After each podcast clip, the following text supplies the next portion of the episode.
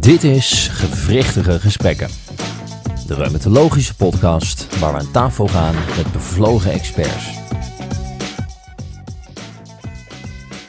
De podcast voor Reumatologisch Nederland. Vandaag met Nienke Leswie en Aniek van Merendonk.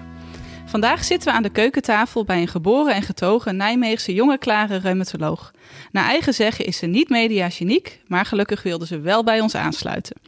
En naast reumatoloog in de Sint Maartenskliniek is ze ook klinisch farmacoloog aan het Radboud UMC en kunnen de luisteraars haar kennen van de DRES-studie, onderdeel van haar promotie naar het afbouwen van biologicals bij RA.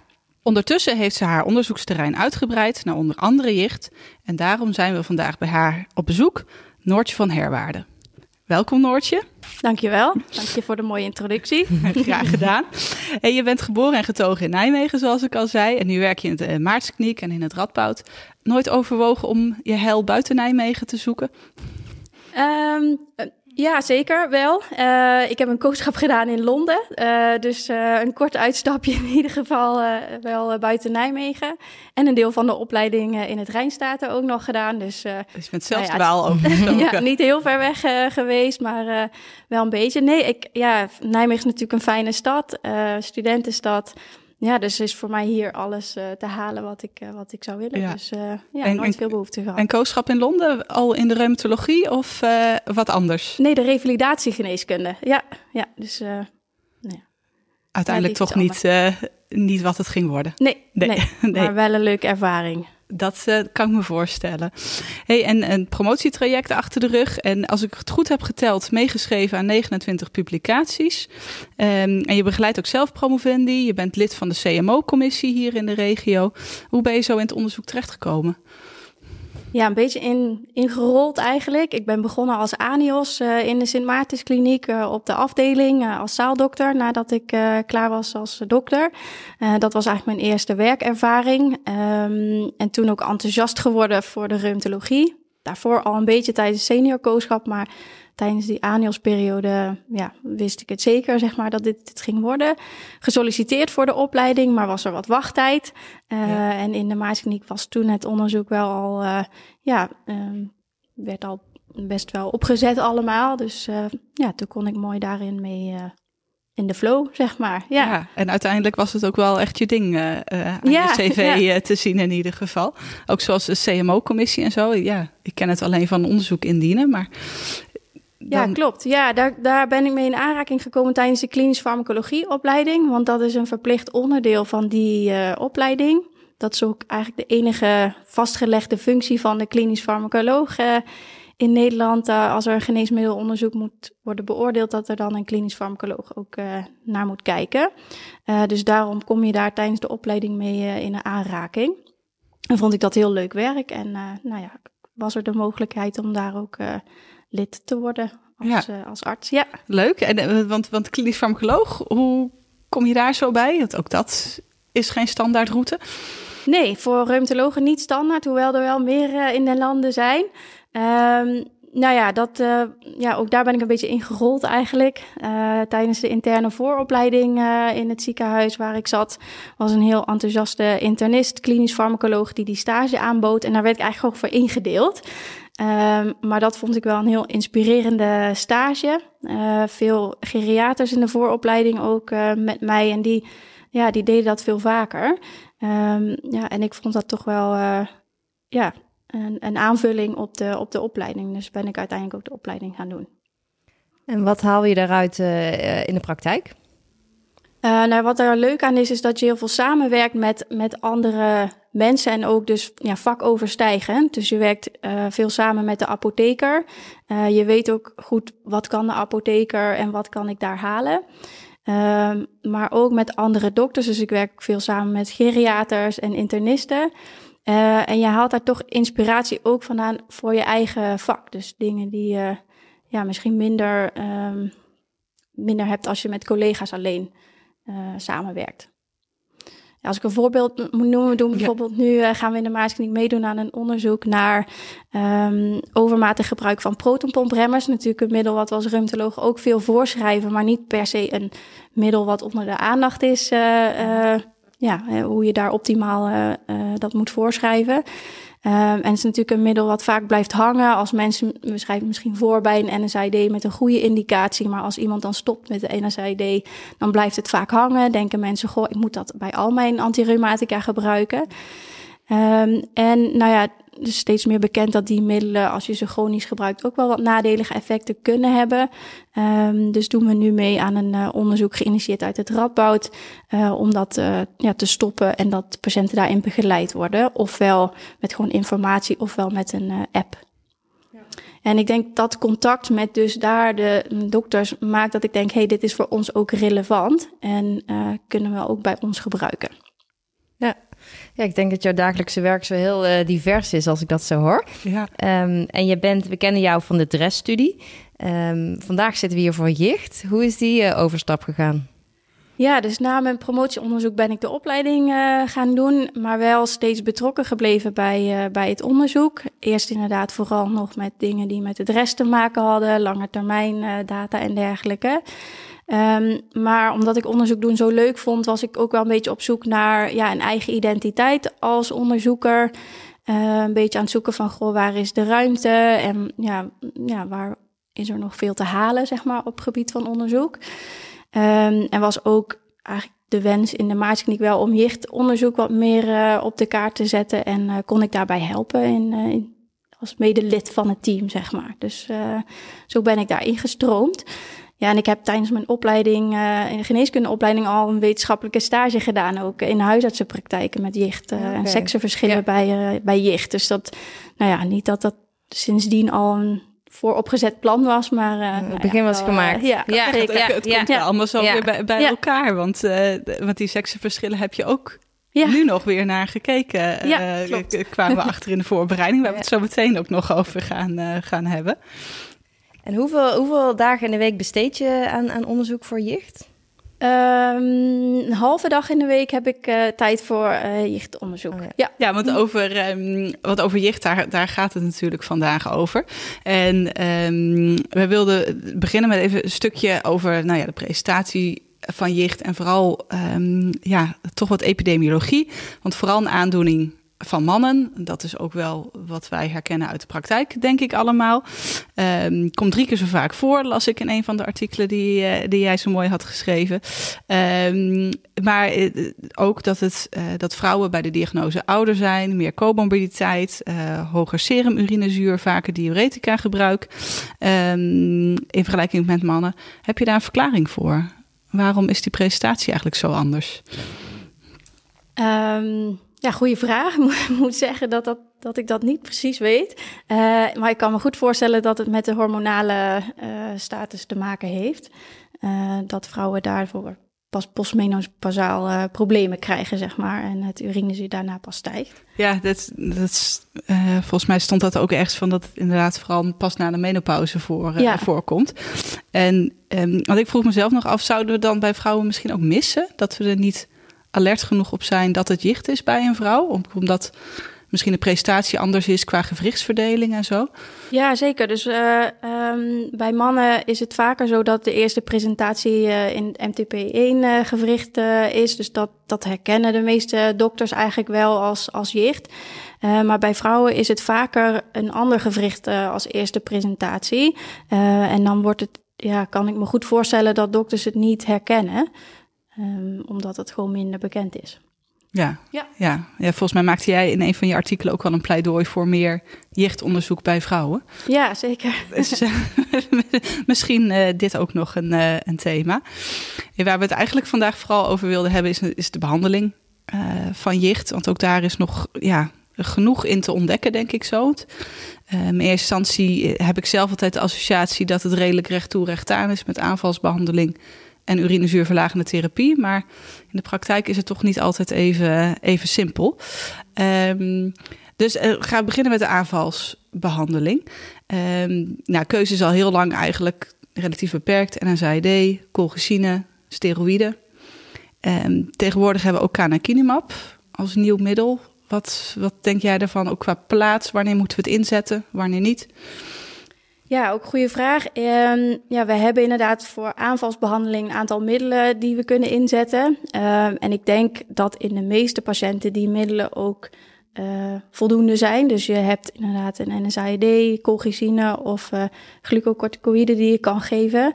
Uh, oraal, intramusculair of intraarticulair. En ik denk dat dat voor de meeste patiënten, dat je daarmee uitkomt.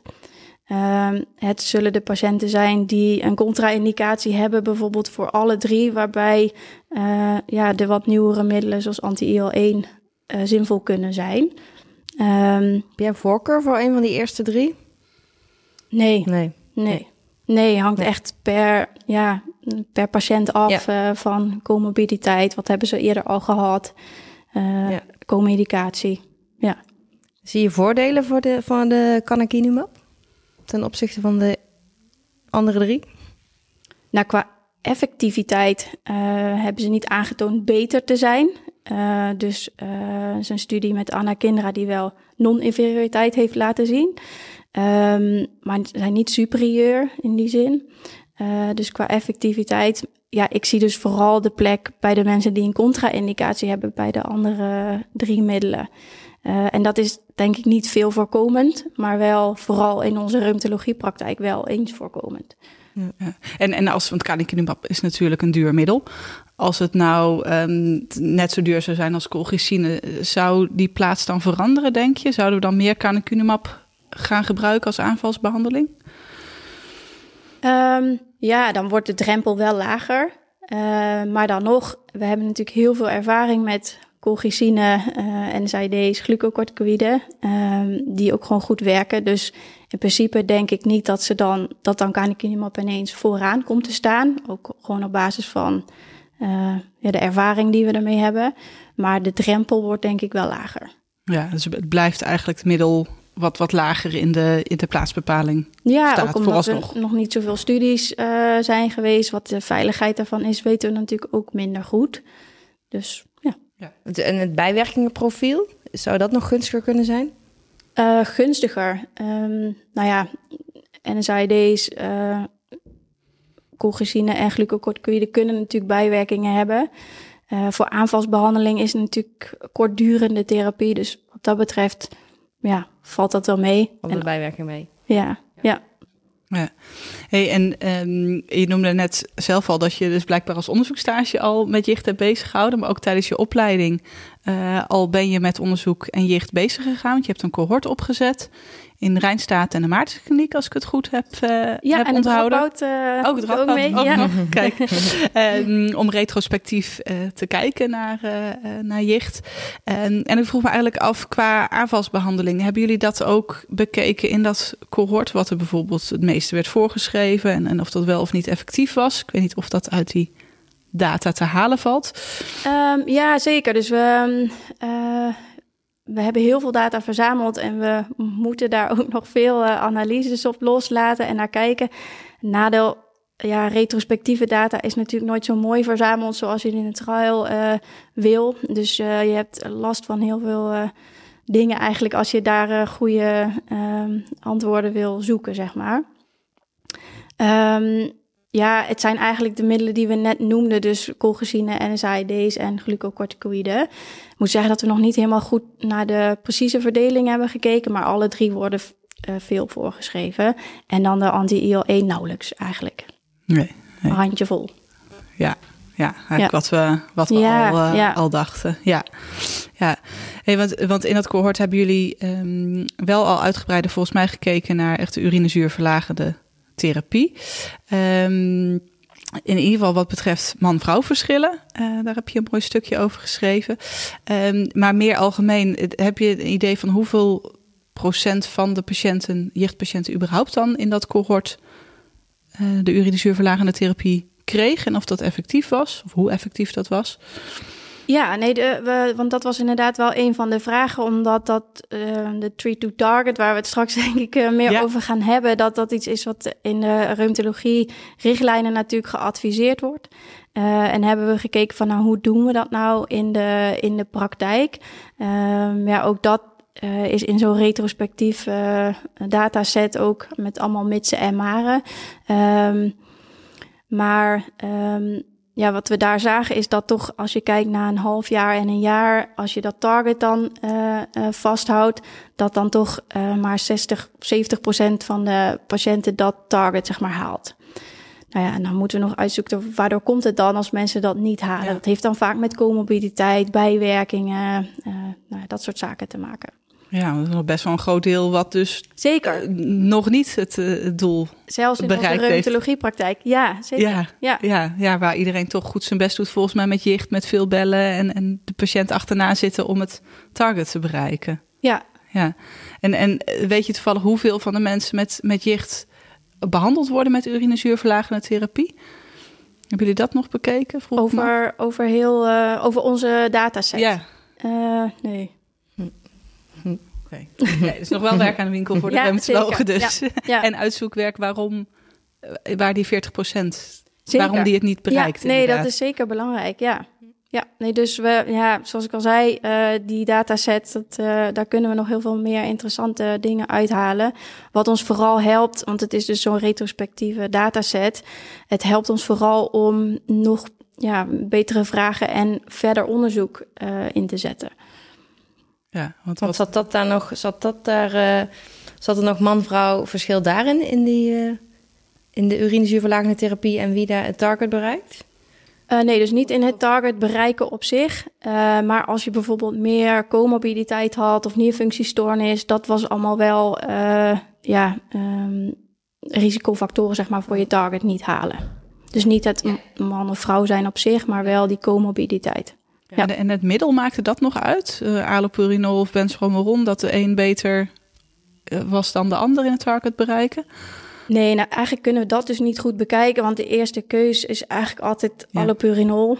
Uh, dus ja, dat soort dingen kunnen we eigenlijk niet, geen goed antwoord op geven met die, met die dataset. Nee. Grootste, grootste groep krijgt ook gewoon allopurinol.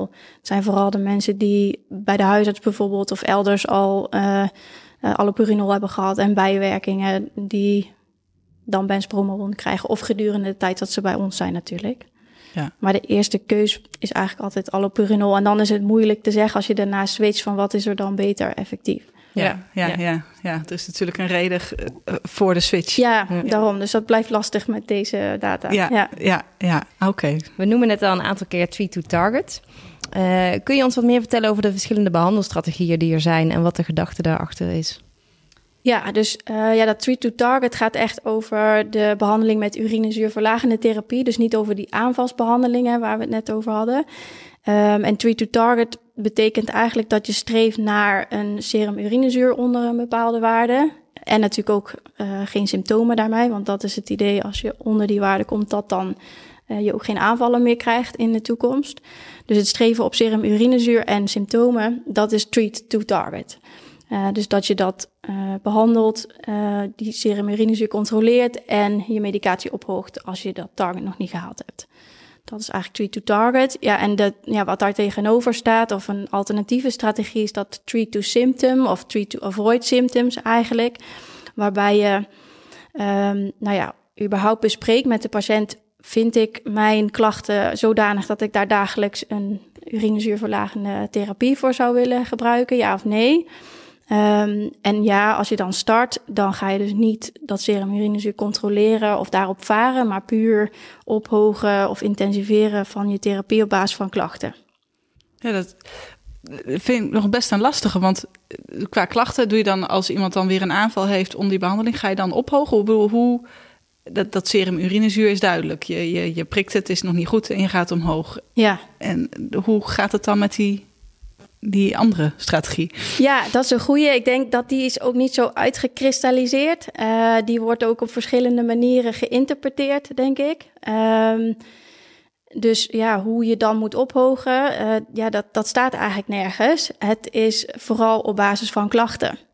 Um, en de, ja, hoe ver je dan moet ophogen, ja, totdat je uh, geen klachten meer hebt. Maar hoe lang je dan uh, moet wachten tot je weer volgende stapje maakt, ja, dat, dat staat nergens gedefinieerd. Maar het uitgangspunt is dat je niet vaart op dat serum urinezuur, maar alleen op de, op de klachten. En dan hoef je dus ook niet te prikken? Nee. En in Nederland wordt geadviseerd om die treat-to-target strategieën te hanteren. Is dat in andere landen anders? Um, uh, dat jij weet? Ja, nou, er zijn uh, verschillende richtlijnen voor, uh, voor jeugd. Inderdaad, de meeste uh, richtlijnen, of de reumatologen richtlijnen, adviseren eigenlijk allemaal dat tree-to-target strategie te volgen. Um, ook de huisartsenrichtlijn nu in Nederland, die adviseert dat wel. Um, maar er is bijvoorbeeld een American College of Physicians richtlijn van een aantal jaar terug. En die zegt van ja, wij zijn eigenlijk niet zo overtuigd van dat bewijs achter die tree-to-target uh, strategie. Uh, en die zeggen van ja, je kan ook gewoon een tree-to-symptom aanpak uh, volgen. Um, ja, en dat blijkt ook wel uit de, uit de praktijk. Kijk, wij zien als reumatologen een, deel van de jichtpatiënten, maar een grootste, het grootste deel eigenlijk blijft bij de huisarts. Um, en ja, die zijn toch ook niet allemaal overtuigd van, of die, ja, die volgen niet allemaal die, die tree-to-target strategie. En die zijn meer ja, van de treat-to-symptom aanpak vaak. En, en de, de achterliggende ratio voor die treat-to-target is toch dat je met dat, um, het naar beneden brengen van dat serum urinezuur tofi voorkomt, schade voorkomt, naast dat je natuurlijk de aanvallen ja, uh, weghoudt. Ja. Want wat valt daar iets over te zeggen met die treat-to-symptom? Verwacht je dan ook dat men behoed blijft voor schade in de toekomst? Ja, nou eigenlijk niet. Hè. Uh, dat, dat, dat is daar niet in meegenomen, zeg maar. Dus uh, wat in de zin van als je een tover ziet ontstaan, kan ik me voorstellen dat je daar ook dat uh, dan ophoogt, zeg maar. Maar dat is wel minder goed uitgewerkt. Dus ja. zoals ik net al zei, dat treat to target, wat we als reumatologen gewoon ja, volgen en, en doen, dat is ja, in die zin wel goed uitgewerkt. Je moet het meten en je moet ophogen als je uh, niet haalt. Dat treat-to-symptom blijft wat, ja, wat vager eigenlijk. Ja. ja. En dan adviseren we de patiënten eigenlijk ook om uh, de allopurinol bijvoorbeeld levenslang te gebruiken. Is daar eigenlijk bewijs voor? Of wat, wat vind je daar eigenlijk van? Ja, uh, zeker. Dus uh, dat is inderdaad ook iets wat we, wat we adviseren. Dat is ook iets wat we volgens mij allemaal erin geramd krijgen als uh, ja. reumatoloog in opleiding. Um, dus ja, dat is, uh, ja, dat is iets wat geadviseerd wordt, wat wij allemaal doen. Um, daar is ook wel wat bewijs voor, maar ook daarin uh, nooit goed met een RCT onderzocht, zeg maar. dus je hebt wel op, observationeel onderzoek. Um, waarbij, uh, ja, dat is natuurlijk nooit levenslang, maar waarbij er wat data zijn als je dan stopt, dat mensen weer aanvallen krijgen. Maar dat is niet bij iedereen zo. Uh, en kan soms ook wel een paar jaar duren voor mensen weer aanvallen krijgen. Dus um, een goede RCT is er niet gedaan. En dat maakt ook weer dat ook weer die American College of Physicians zegt: wij zijn ook niet overtuigd van het bewijs wat daarvoor is. En zegt van goh, misschien kan je na een aantal jaar wel stoppen. Die zegt van ja, we weten het eigenlijk niet. Maar we staan niet achter die uh, harde eis van dat harde levenslang. Omdat levenslang, ja, terwijl ja. je eigenlijk heel simpel gedacht je stopt de allopurinol, het urinezuur stijgt weer... en na een aantal jaar komt de patiënt weer terug met tofi. Dus dat, dat, is toch goed dat zijn allemaal de patiënten die, eh, die, die we kennen, toch? Ja, Van, ja. Uh, ja. Nee, zeker. Daar, daar, daar zijn ze weer. Nee, dus het gaat over wat is de pathofysiologie van jichten... en kan dat veranderen na een, na een aantal jaar behandeling...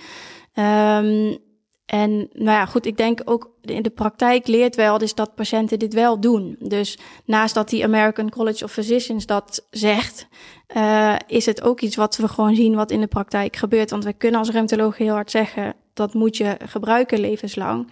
Maar we sturen die mensen wel terug naar de huisarts. Dus we gooien het wel over de schutting en laten het daarna over aan de huisarts die natuurlijk van heel veel andere specialisten ook allemaal van dit soort um, ja, opdrachten krijgt eigenlijk. Mm -hmm. En daar eigenlijk ook gewoon overvol is en dat niet kan, uh, kan waarmaken, zeg maar. Naast het feit dat ze misschien ook niet overtuigd zijn allemaal van uh, de noodzaak ervan. Dus je ziet dat uh, mensen ook gewoon heel veel stoppen. Uh, dus uh, er zijn veel onderzoeken gedaan uh, dat een groot deel van de mensen gewoon na een jaar en na vijf jaar al helemaal gebruikt nog maar de helft van de mensen die, die urinezuurverlagende therapie. Dus het is ja. Omdat niemand dat belang daarvan blijft ondersteunen tegen de patiënt. Ja, ja. en, en ja. het raakt een beetje ja. dan in de vergeten misschien of zo. Als, ja, En patiënten willen zelf ook vaak graag stoppen. Als ja. denken, nou, ik heb Zeker. eigenlijk geen last meer van die jicht. ja. Ja. Maar, maar, dan, dan valt het misschien ook nog wel weer mee als na vijf jaar de helft van de mensen dus stopt met een urinezuurverlagende therapie. Volgens mij zien wij niet al die mensen weer terug. Ja, of ze belanden natuurlijk weer bij de huisarts. Dat kan natuurlijk ook. Ja, dat nee, misschien en... toch een groter deel is die wel kan stoppen dan dat we eigenlijk denken. Ja, nee, dus dat is wel interessant dat we dat gewoon niet zo goed weten. Uh, en wij zien natuurlijk dan wel meteen de vervelende gevallen weer terug van de mensen die dan toch dofeus of erosief terugkomen. Um, nou ja, daar moeten we gaan kijken van, goh, hoe kunnen we die mensen identificeren? Ik denk dat we ook beter moeten kijken, hoe moeten we dat nou allemaal implementeren?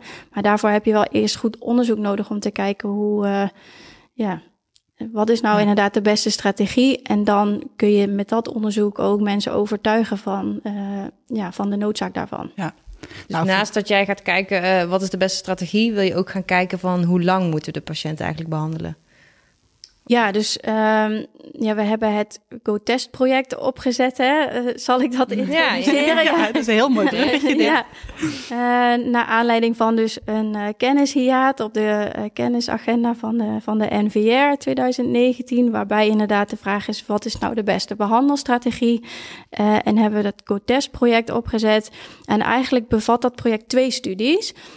de eerste studie is eigenlijk als je zit aan het begin van de diagnose... of je hebt de diagnose gesteld en je overweegt dus te starten met urinezuurverlagende therapie, ga je dan uh, treat to target en starten en ophogen op basis van je serum urinezuur, of ga je dus overleggen met patiënt en ophogen op geleide van symptomen. Dat is de overture-studie. Um, en de tweede studie is de finale studie, waarbij uh, mensen worden geïncludeerd als ze al urinezuurverlagende therapie gebruiken. En daarmee minimaal een jaar echt remissie hebben. Dus geen aanvallen, geen TOFI, geen pijn. Uh, en een urinezuur onder uh, het target. Um, en bij die mensen gaan we uh, ja, de treat to target doorzetten. Dus we blijven meten en eventueel ophogen mochten mensen toch weer boven het target uitkomen. Um, of we gaan op proef stoppen. Waarbij we nou ja, in een korte periode afbouwen, mensen een beetje een zachte landing geven, zeg maar, wat betreft uh, nou, het stoppen. Um, en dan gaan kijken wat er gebeurt. Waarbij als mensen um, één aanval krijgen die te lang duurt, langer dan een week, of als ze twee aanvallen krijgen, dan starten we weer en gaan we weer over op die treat to target. Dan zeggen we van goh, dat treat to symptom dat werkt niet. We gaan weer herstarten.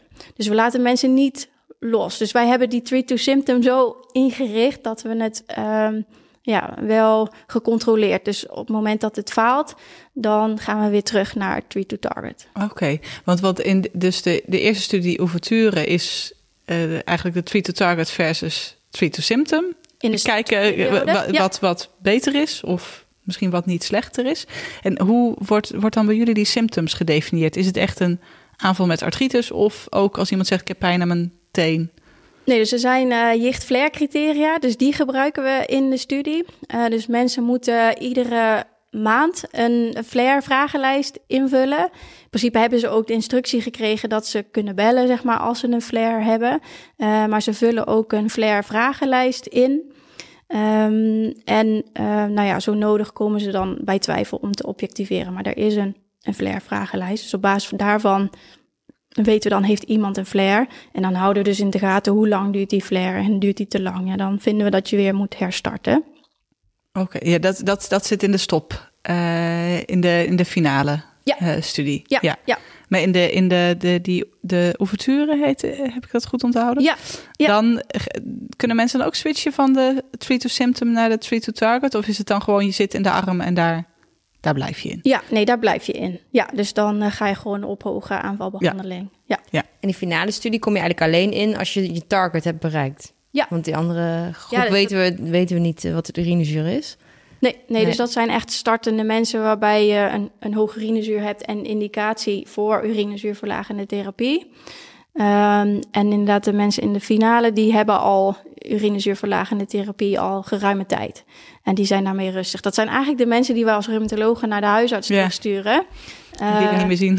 Ja, nee. En die, uh, die willen we nu toch vervolgen en kijken hoe, uh, ja, hoe die twee strategieën ja, met elkaar vergelijken, zeg maar. Want, want, want die, die, patiënten die je dus wilt gaan stoppen, haal je die ook zeggen, bij de huisarts weg? Want dat zijn natuurlijk inderdaad niet de mensen die, die je makkelijk op de poli kunt recruteren voor je studie toch? Nee, het, uh, het is wel interessant dat de reumatologen dat allemaal verschillend doen. Sommige mensen houden uh, patiënten toch langer onder controle. Uh, dus dat wisselt ook nog weer per, per praktijk. Hoewel in de meeste praktijken gaan mensen wel vlot terug naar de huisarts. Gewoon ook de drukte op de zorg, zeg maar.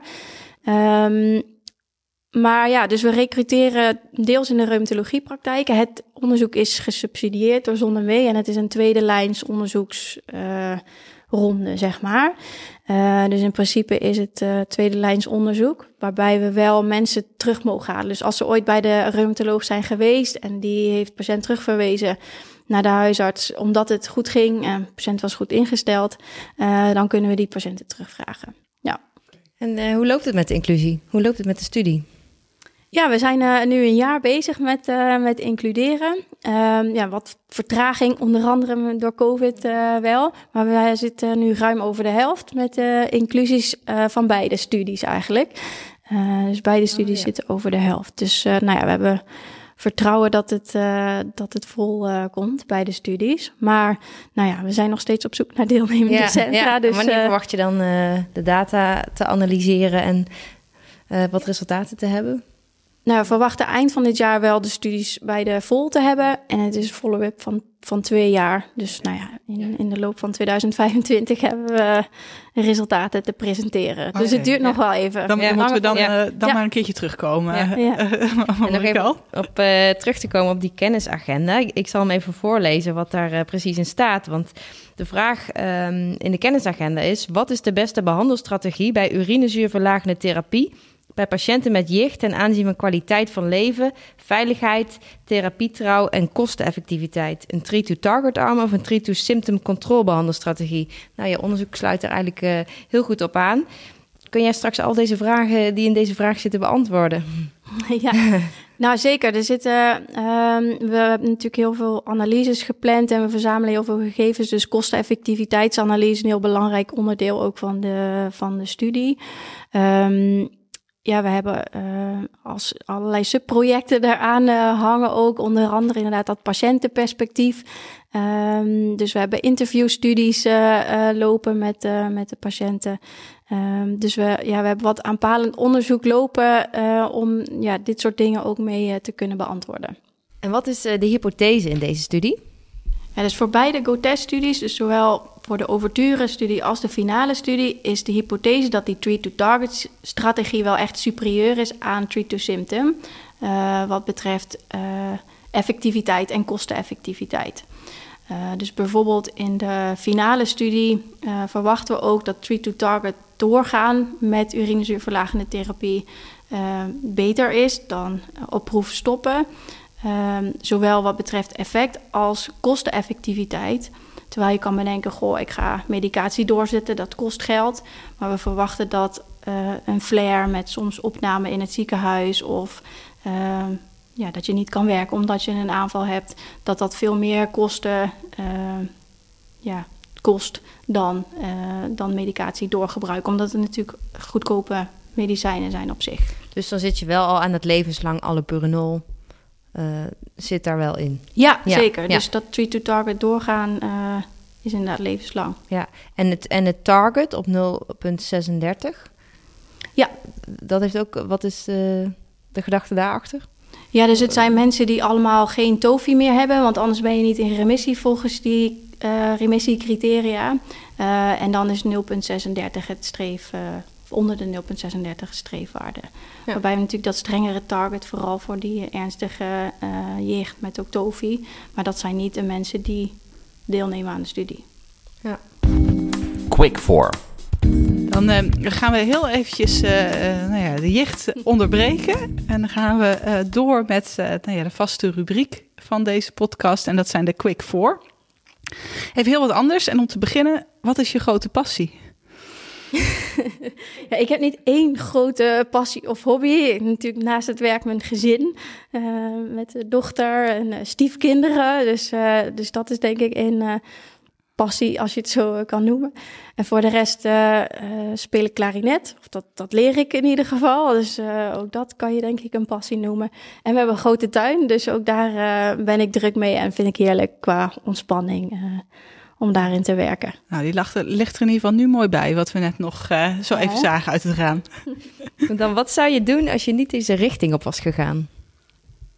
Ja, ook een goede vraag. voelt alweer lang geleden natuurlijk dat ik die keuze heb gemaakt. En ja, ook daar ben ik een beetje zo heel natuurlijk ingerold, denk ik. Uh, maar als ik iets anders had gedaan, was ik denk ik wel geschiedenis gaan studeren of archeologie of iets dergelijks. Dat heeft me altijd wel uh, geboeid. Dus dat uh, was het alternatief geweest. Hm. Nou, dat is ook mooi. En hey, als je jezelf op de eerste dag van de opleiding een advies zou mogen geven, wat zou je dan zeggen tegen jezelf? Oeh, ook, ook een moeilijke. Um, ja, misschien niet zo druk maken over dingen. Uh, het, het, komt wel goed. Heel goed. En misschien nog een lastige, maar wat is de belangrijkste verandering um, binnen de reumatologie, binnen je carrière? Ja, ik heb natuurlijk nog niet zo'n lange carrière. Maar goed, ik ben begonnen als ANIOS uh, hier uh, in de Simaaskliniek op een klinische afdeling die er toen nog was. En daar lagen toen ook nog best wel wat patiënten uh, zo. Wel een stuk of tien of zo hadden we dan wel altijd eh, op de afdeling liggen. Soms wat meer, soms wat minder. En die klinische afdeling die is nu helemaal weg. Uh, dus als er nog eens iemand opgenomen moet worden, dan is dat ofwel bij de orthopeden als er een bacteriële artritis verdenking is, of naar het Radboud. Maar dat komt eigenlijk heel weinig meer voor. Dus ik denk dat het, nou ja, het was natuurlijk al heel erg minder klinisch dan het nog verder vroeger was. maar ja. Uh, ik heb daar toch ook al wel uh, wat in uh, gezien. Dus het is echt veel meer polyklinisch geworden. Ja. Steeds minder klinische patiënten. Ja, ja. helder. Nou, dan gaan wij door, komen we weer terug bij de jicht. allereerst om nog wat verder door te gaan op jicht en het cardiovasculair risico. Daarna volgen nog wat vragen uit de praktijk. Um, maar hyperuricemie en jicht die worden in verband gebracht met een verhoogd cardiovasculair risico. Kun je dit misschien wat toelichten? Uh, ja, uh, dus inderdaad, zowel hyperuricemie als, als jicht uh, zijn een risicofactor inderdaad. dus dat is ook iets wat, ja, wat de aandacht moet hebben, denk ik, als we bij mensen die diagnose stellen. Um, ja, er zijn wat verschillende theorieën over ja, waarom dat dan is. ja, want, want met die, met die hyperuricemie, er staan ook allemaal gaande geluiden op dat je, dat je dan allopurinol bijvoorbeeld moet geven? Of dat dat gunstig zou zijn? Heeft dat dan ook een gunstig effect op het cardiovasculaire ja, risico? Dus asymptomatische hyperuricemie. Uh, ja, bijvoorbeeld. Dat... Ja, dus um, interessant. Ja, voor nu staat eigenlijk in de richtlijnen dat je een asymptomatische hyperuricemie niet uh, moet behandelen. Uh, met urinezuurverlagende therapie. Uh, maar daar loopt wel uh, veel onderzoek. Uh, bijvoorbeeld in Engeland loopt de All Heart studie. in Engeland en Schotland. waarbij ze dus mensen met een hoog cardiovasculair risico allopurinol geven. Um, dat is niet per se mensen die hyperuricemie hebben, maar daar zal een heel groot deel daarvan dat wel hebben. Dus, en de data daarvan worden dit jaar verwacht. Dus ik denk dat we daar wel wat info van uh, zullen krijgen. En ook hier in Nijmegen bij de vasculaire geneeskunde uh, doen, gaan ze daar onderzoek naar doen. Dus ja, voor nu is het niet iets wat, uh, wat geadviseerd wordt, maar nou ja, onderzoek loopt. Dus wellicht dat dat uh, verandert in de toekomst. Natuurlijk met veel middelen die toch effect hebben, zoals colchicine ook. dat wilde ik ook vragen. Ja, ja, dat is ook voor colchicine, dacht ik. Ja, zeker. Dus colchicine heeft wel effect uh, laten zien uh, het voorkomen van uh, cardiovasculaire events als secundaire preventie. Dus dat, ja, dat gaat wel in de richtlijnen komen, dat, dat mensen dat ja. gaan krijgen, verwacht ja. ik. Ja. Maar is dat dan nog een rol voor de reumatoloog? Moeten wij dan nog meer mensen colchicine gaan voorschrijven of gaan de cardiologen dan... Nou, ik denk als iemand geen jicht heeft, dan is het niet een rol voor de reumatoloog. Uh, ik denk met deze info um, dat het wel goed is daar extra aandacht voor te hebben. En nou ja, dat als je iemand met een cardiovasculair risico, dat je die misschien liever dus colchicine in plaats van een NSAID geeft bij een aanval. Dat soort, uh, dat soort zaken. En dat je niet bang hoeft te zijn voor colchicine als profilaxe bijvoorbeeld. Nou ja, in ieder geval dat je dat laagdrempelig voorschrijft. Uh, aandacht voor cardiovasculair risicomanagement is denk ik sowieso belangrijk. Maar ik zie dat niet buiten het jicht hebben, zeg maar, als rol voor de reumatoloog. Nee. Dan heb je toch. Uh... Nee, nou, in de praktijk uh, worstel ik wel met verbuxostat bij cardiovasculair belaste patiënten, omdat ook in het kompas staat dat we daar toch voorzichtig mee moeten zijn. Hoe kijk jij daar tegenaan?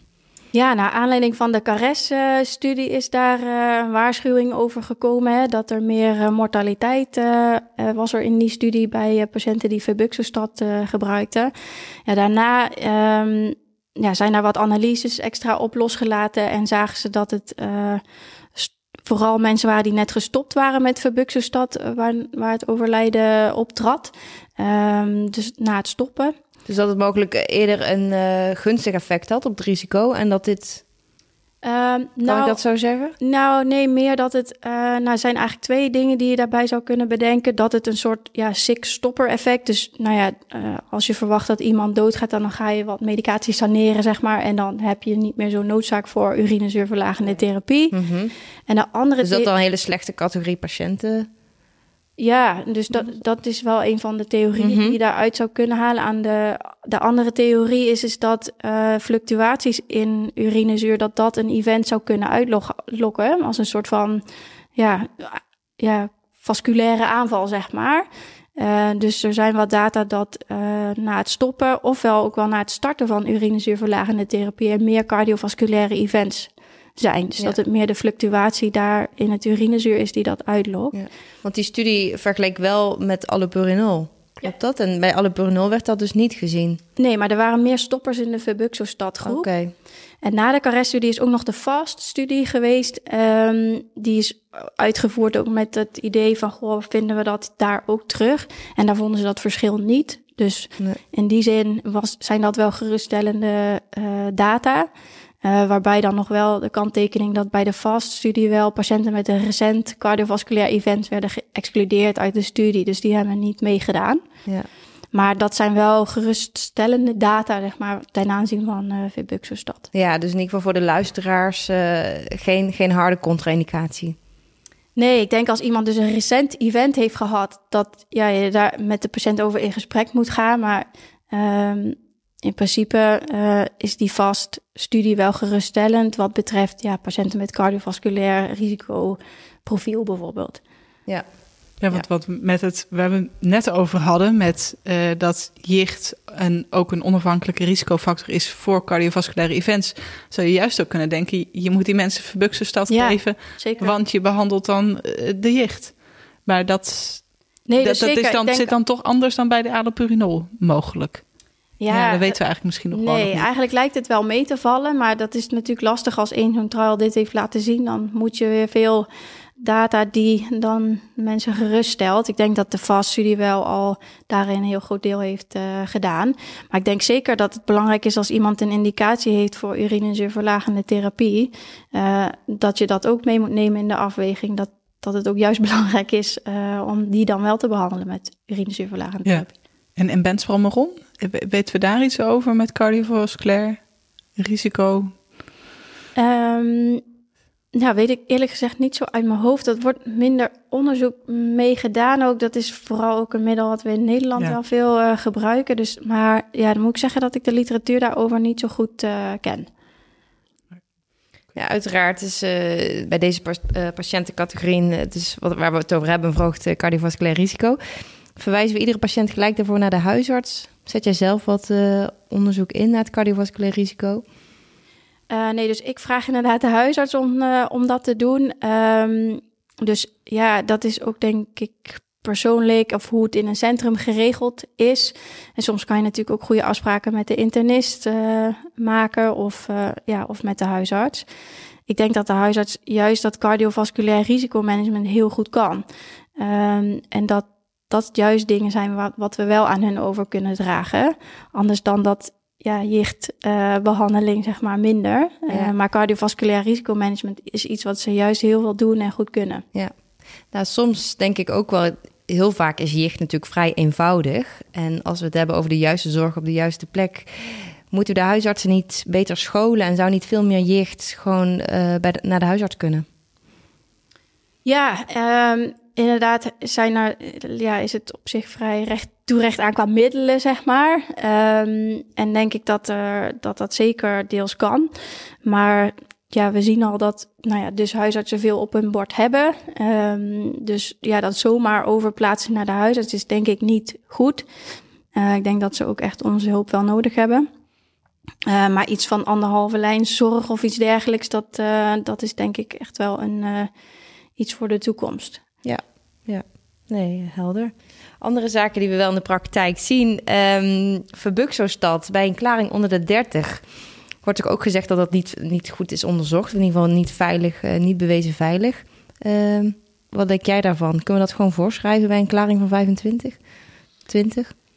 Ja, dus uh, in principe um, kan je dat dan ook voorschrijven. Wat, uh, wat dan meestal geadviseerd wordt, is uh, we hebben natuurlijk tabletten van, uh, van 80 en, en 120, is dat je dan 40 milligram start en dan wel optitreert. Uh, dus bijvoorbeeld de meest recente ACR-richtlijn zegt ook van je kan dat gewoon starten, um, maar bij slechte nierfunctie, maar start dan laag. Lager. Ja. Oké, okay. nou, daar, kunnen, daar kunnen we verder mee. Ja, ja. gewoon hoe we het bij allopurinol dus ook doen. Met lager starten en, ja, zeker. Uh, ja. en verhogen. Oké. En wat adviseer jij uh, de patiënten met colchicine die ook een statine gebruiken? Uh, nou, als ze één keer daags het gebruiken, dan, ja, dan uh, adviseer ik eigenlijk niks. Dan dus geef je het gewoon door. Dat is denk ik ook juist uh, interessant aan die colchicine-studies bij mensen met een verhoogd cardiovasculair risico. Die gebruiken natuurlijk allemaal een statine. Mm -hmm. En ja, daar wordt ook niet geadviseerd om dat te, onderbreken. Beide hebben natuurlijk zeldzame risico op die rhabdomyolyse. Um, dus ja, dat is heel zeldzaam. Uh, en dat is met name uh, als je hogere dosis colchicine geeft. Dus je kan uh, overwegen tijdens zo'n aanvalsbehandeling om dan de statine tijdelijk te onderbreken. Maar de vraag is of dat per se moet. Vooral omdat je dan de colchicine natuurlijk maar heel kort geeft. Ja, en wanneer je de colchicine langere tijd geeft, waarschijnlijk geef je dan een lagere dosis. Ja. Dan kun je eigenlijk gewoon de statine door, ja. doorzetten. Ja. ja, ja, helder. Um, wat vind je van combinatietherapie met allopurinol en uh, benzbromaron? Is daar evidence voor? Of is, dat, is dat een strategie die we moeten toepassen? Ja, ook daar is uh, ja, naar mijn weten weinig bewijs voor. Ook weer, ja, omdat die benzbromaron wordt gewoon niet zoveel onderzoek naar gedaan. Um, dus ja, ik heb het wel eens gecombineerd, inderdaad. Maar dat daar echt studies mee gedaan zijn, nee. Um, ja, qua hoe ze werken, ja, kan je er iets voor zeggen dat, dat je ze zou kunnen combineren? Um, ik denk dat in de praktijk veel gebeurt. Ja, ja, ja. ja. Ik denk ook wel dat, dat, we het in de praktijk ook doen, omdat we die allopurinol niet zo ver ophogen. Uh, en dat we dat in de praktijk wat meer zouden kunnen doen. Bij sommige mensen ja, is het wel nuttig om het te combineren, maar vaak hogen we de allopurinol ook niet zo ver op. En je zegt er zit meer ruimte in die allopurinol dosering ja. tot noem eens 700, 800 milligram? 900, ja. 900, ja. Ja, en dat doen we, dat is ook wel leuk uit dat cohort. Ja, uh, wou ik net vragen. Ja, en zagen we dat we dat, um, dat helemaal niet zo ver ophogen. Dus wij zitten gemiddeld op 300 milligram allopurinol. En, en we, we bespraken dat op een uh, internationaal congres, kregen we daar commentaar op dat we zo laag zaten, ja. inderdaad. Oké, okay. uh, dus toch de cultuur wellicht... Ja, dus uh, inderdaad, misschien dat we dat dan leren dat je dat goed kan combineren en dat we dat dan uh, daarom doen. Maar, maar wat uh, zag je dat ook in het cohort terug? Dat er dus misschien relatief veel mensen op een combitherapie stonden? Ja, dus dat doen we wel regelmatig inderdaad. Ik ken de percentages, weet ik even niet goed uit mijn hoofd. Ehm, maar dat is wel iets wat inderdaad regelmatig gedaan wordt. Um, terwijl als je, uh, er is een mooie uh, treat-to-target versus treat-to-symptom studie gedaan in Engeland ook weer in de eerste lijn. Uh, en daar kwamen ze, als je echt treat-to-target deed, hoger uit dan 300 milligram. Zat ze geloof ik op 400, 450 milligram om dat target te halen. dus dat, ja. Oké, okay, dus, dus meer allopurinol. Ja, dat, ja zeker. Helder. Ja. um, ja, hoe zou jij de toekomst met jicht zien en wat zou jij nog willen bereiken? Nou ja, waar we het al vaak over hadden, is dat de, de middelen, die zijn er wel, zeg maar. Maar toch is die behandeling niet altijd optimaal. Uh, dus ik denk dat we vooral um, moeten zorgen dat we dat, ja, dat we die middelen uh, beter inzetten. En dus ook uh, patiënten en andere zorgverleners, zoals huisartsen, beter informeren en meenemen in die, in die behandelstrategie. En natuurlijk de resultaten van, uh, ja, dus van, het is van jullie onderzoek. Vooral inderdaad implementatie van, uh, van richtlijnen, denk ik. Uh, en daarbij helpt het als je die richtlijnen beter onderbouwt met harder bewijs, zeg maar, zijn. En daar hopen we inderdaad met het onderzoek aan bij te dragen. Um, Ik zit even te denken, omdat je zegt, ja, de middelen zijn er wel. Terwijl er toch in de praktijk wel een, ook een groep patiënten is bij wie je geen optie meer hebt. Waarschijnlijk nee, zeker. ook wel patiënten met een hele slechte nierfunctie vaak. Um, ja. Komt er nog iets nieuws aan? Weet je dat qua middelen uh, zowel voor aanval als voor urinezuurverlagende therapie? Ja, dus er lopen wel studies met een nieuwe inflammasoomremmer. Dus dat is uh, meer voor aanvalsbehandeling. Uh, en ik dacht dat er ook een nieuw urinezuurverlagend middel, maar dat durf ik niet helemaal zeker te zeggen. Maar volgens mij is er wel uh, daar ook een nieuw middel ja, in aantocht. We hebben natuurlijk wel lesinurat gehad, wat dan oh uiteindelijk niet ja, op de markt is gekomen. Dus Um, ik denk dat middelen wel last hebben van dat, eigenlijk, dat er ook wel beschikbare middelen zijn die meestal goed uh, werken. En het is inderdaad lastig wel voor de Komt patiënt. een huidreactie of lever. Zeker, dus er zijn altijd mensen waarbij je niet uitkomt. Dat zijn natuurlijk juist de mensen die wij als reumatologen ook wel zien. Ja. Dus dat is, ja. ja. Nee, dus als er meer middelen zijn, maakt het natuurlijk wel uh, dat je meer opties hebt. Duivelse dilemma's. Nou, dan, dan hebben wij nog een aantal uh, duivels, duivelse dilemma's voor jou. nooit meer de reumatologie of nooit meer klinische farmacologie? Um, nou, dan nooit meer de klinische farmacologie. Toch nog het, uh, ja, ja, het, het, hart zit bij de reumatologie. over na te denken. um, en dan, zonder dat je de, de GoTest eh, project mag afmaken... Treat to symptom of treat to target? Treat to target, ja. Duidelijk. Um, dan, uh, deze is mij ingefluisterd, maar nooit meer een Malbec bij de borrel of nooit meer theeleuten? Oeh, dat is wel, dat is wel moeilijk. Uh, nou, dan nooit meer een Malbec. De thee is toch wel, uh, ja. Uh, en omdat je natuurlijk een Nijmeegse bent. Nijmeegse Vierdaagse lopen of de feesten? Voor in de toekomst, hè? Ja, ja en dan elk jaar. Oh, ieder jaar. Oh, dat, dat vind ik wel moeilijk, want allebei is leuk. dus dat is moeilijk kiezen. Uh, nou ja, lopen heb ik al wel een paar keer gedaan, dus dan uh, ga ik maar voor de feesten. Dus, ja. heb je hem uitgelopen? Uh, een paar keer wel, maar ook wel eens niet. Dat is eerlijk. Nou, dan zijn we al bij de afronding van deze podcast. Um, maar wat moeten de luisteraars nog onthouden van deze podcast als take-home message? Zou je ze nog wat mee willen geven? Uh, ja, ik denk dat ja, jicht dus wel echt een, een belangrijke ziekte is voor ons als reumatologen. Dat het goed is om ja, mensen dus niet zomaar over de schutting te gooien naar de huisarts. Maar wel ja, te bedenken dat die huisarts veel op zijn bord heeft en niet altijd dezelfde gedachtegang heeft als je een patiënt terugverwijst. Dus dat het goed is om in je ja, regio daarmee in gesprek te gaan. Ja, en dat jichtonderzoek, dat er nog veel te halen valt. Uh, dus hopelijk de komende jaren wat meer duidelijkheid over wat de beste strategie is. Uh. Ja, nou, nog één laatste vraag dan over uh, het contact met de huisarts. Want, um, dus denk goed na als je de patiënt terugverwijst naar de huisarts, zeg je eigenlijk. verwijs jij wel patiënten met benzbromaron en febuxostat terug naar de huisarts? Of moeten we daar ook nog meer terughoudend in zijn? Nee, in principe... Is er geen onderscheid met allopurinol? Nou, als ze goed ingesteld zijn, dan stuur ik die ook wel terug naar de huisarts. Ja. ja. Oké, nou dan uh, wil ik jou hartelijk danken, Noortje, voor je bijdrage in deze podcast. Dank aan de luisteraars en uh, graag tot de volgende aflevering. Nou, graag gedaan. Bedankt voor het luisteren naar gewrichtige gesprekken. Graag tot de volgende aflevering.